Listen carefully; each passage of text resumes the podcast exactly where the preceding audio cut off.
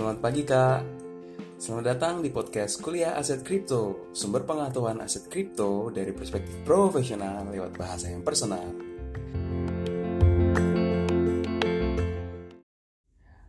Halo, Assalamualaikum warahmatullahi wabarakatuh. Apa kabar semuanya? Kembali lagi di Kuliah Aset Kripto bersama saya Muhammad Tifitudungio. Oke, so di episode kali ini kita akan ngebahas tentang Satoshi Nakamoto, yaitu the man behind Bitcoin and blockchain. So, pasti banyak dari kalian yang sudah mulai bertanya-tanya, siapa sih sebenarnya pencipta dari sebuah sistem blockchain dan Bitcoin? So, di episode kali ini, gue akan ngebahas seluk-beluk dari misteri yang ada di balik nama Satoshi Nakamoto. Cilah. Kenapa gue bilang misteri? Karena gini, tahu nggak sih kalau Satoshi Nakamoto ini tuh hanya nama samaran. Satoshi Nakamoto tidak pernah memunculkan dirinya ke depan publik. So, nobody knows whether Satoshi Nakamoto is a girl or a boy, atau apakah dia sendiri, atau apakah dia satu grup, atau mungkin dia gabungan dari beberapa company besar. Nobody knows. Yang pasti, pada tahun 2009, sebuah user di dalam forum yang menggunakan username Satoshi Nakamoto mempublish sebuah konsep, sebuah white paper ya yang berjudul Bitcoin Electronic Cash System. Nah, jadi si Satoshi Nakamoto ini mempublish konsepnya itu secara publik di dalam forum.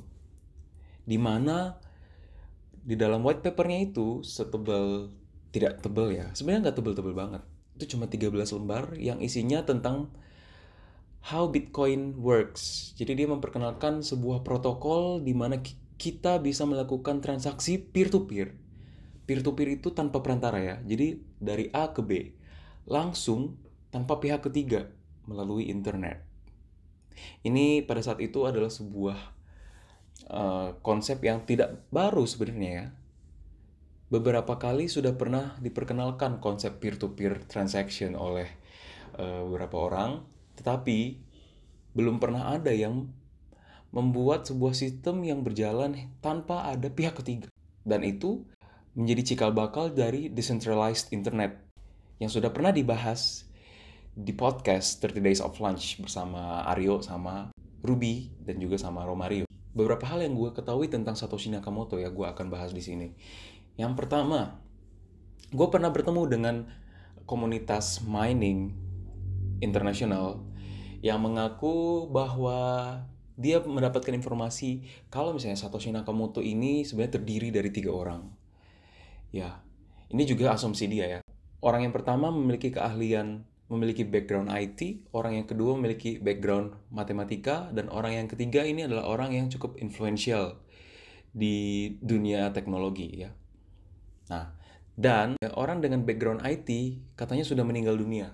Jadi tinggal berdua. Kalau menurut uh, orang yang saya temui ini ya, menurut dia hanya tinggal berdua. Keputusan Satoshi Nakamoto untuk tidak memuncul, memunculkan dirinya di depan publik ini agak kontroversial. Tapi kalau menurut gue pribadi, ini adalah plus minusnya ya. Yang pertama plusnya kita bahas dulu ya.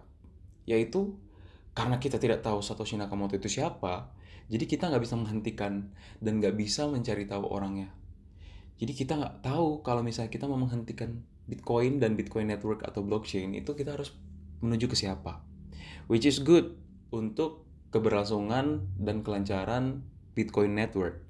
Karena banyak sekali orang yang mencari Satoshi Nakamoto itu siapa.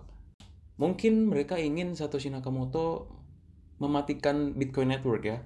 Tapi berdasarkan pembahasan yang sudah kita bahas di kelas-kelas sebelumnya, it's impossible to stop the Bitcoin network ya, unless we will we have to cut the internet, which is impossible, right?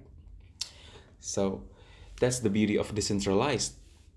Ada atau tiada Satoshi Nakamoto, networknya tetap akan berjalan. Minusnya adalah kita menjadi sulit untuk trust terhadap sistem ini ya. Karena kita kan tidak kenal siapa sih Satoshi Nakamoto apakah dia patut untuk dipercaya apakah dia orang baik apakah dia orang yang apakah dia kriminal who knows tapi mereka berhasil mengeliminasi unsur trust.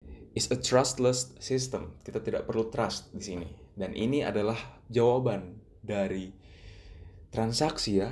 Karena permasalahan utama dari transaksi dua belah pihak itu, kenapa kita butuh pihak ketiga? Karena biasanya tidak ada unsur trust antara pihak pertama dan kedua kan. Makanya butuh pihak ketiga yang bisa dipercaya sebagai penengah transaksi tersebut.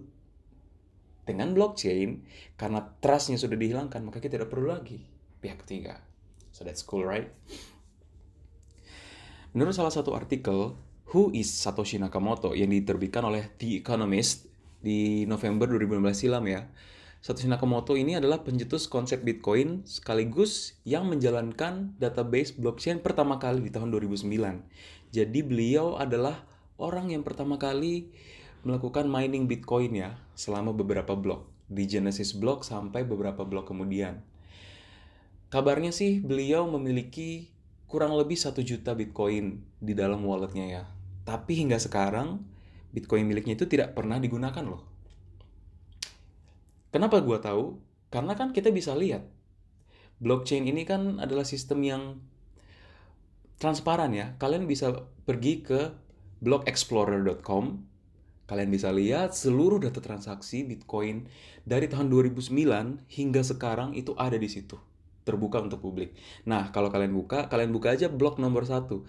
Blok nomor satu itu pasti adalah blok yang dimining oleh Satoshi Nakamoto. Karena pada saat itu hanya dia seorang miners satu-satunya yang menjalankan network Bitcoin. Oke, Nah, melalui proses ini, Satoshi berhasil memecahkan permasalahan double spending yang biasa ditemukan pada pengiriman mata uang digital.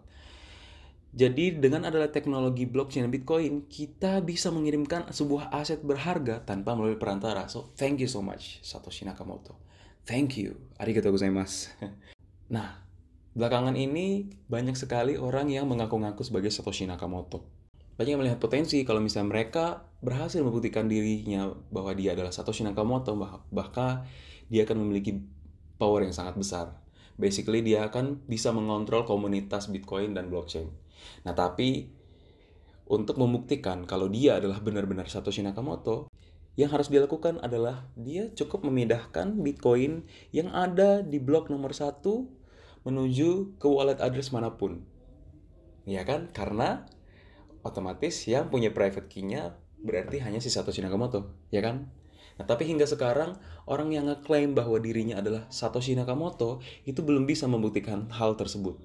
Sehingga ada muncul term baru bagi orang-orang yang mengaku-ngaku dirinya sebagai Satoshi Nakamoto, yaitu fake Toshi. Cukup menarik ya kalau kita membahas tentang pseudonymus dari Satoshi Nakamoto ini. I think that's all episode kali ini cukup sampai di sini.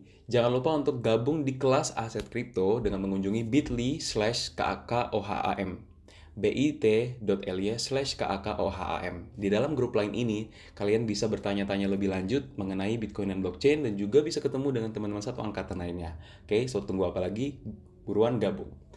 So, sampai jumpa di kelas berikutnya. Stay positive. Bye. Share podcast ini kalau mendapatkan manfaat, share juga ke teman-teman kalian yang menurut kalian harus mendengarkan podcast ini. Karena ke depannya gue akan cover banyak hal mengenai aset kripto. Oke, okay? see you on the next podcast. Goodbye.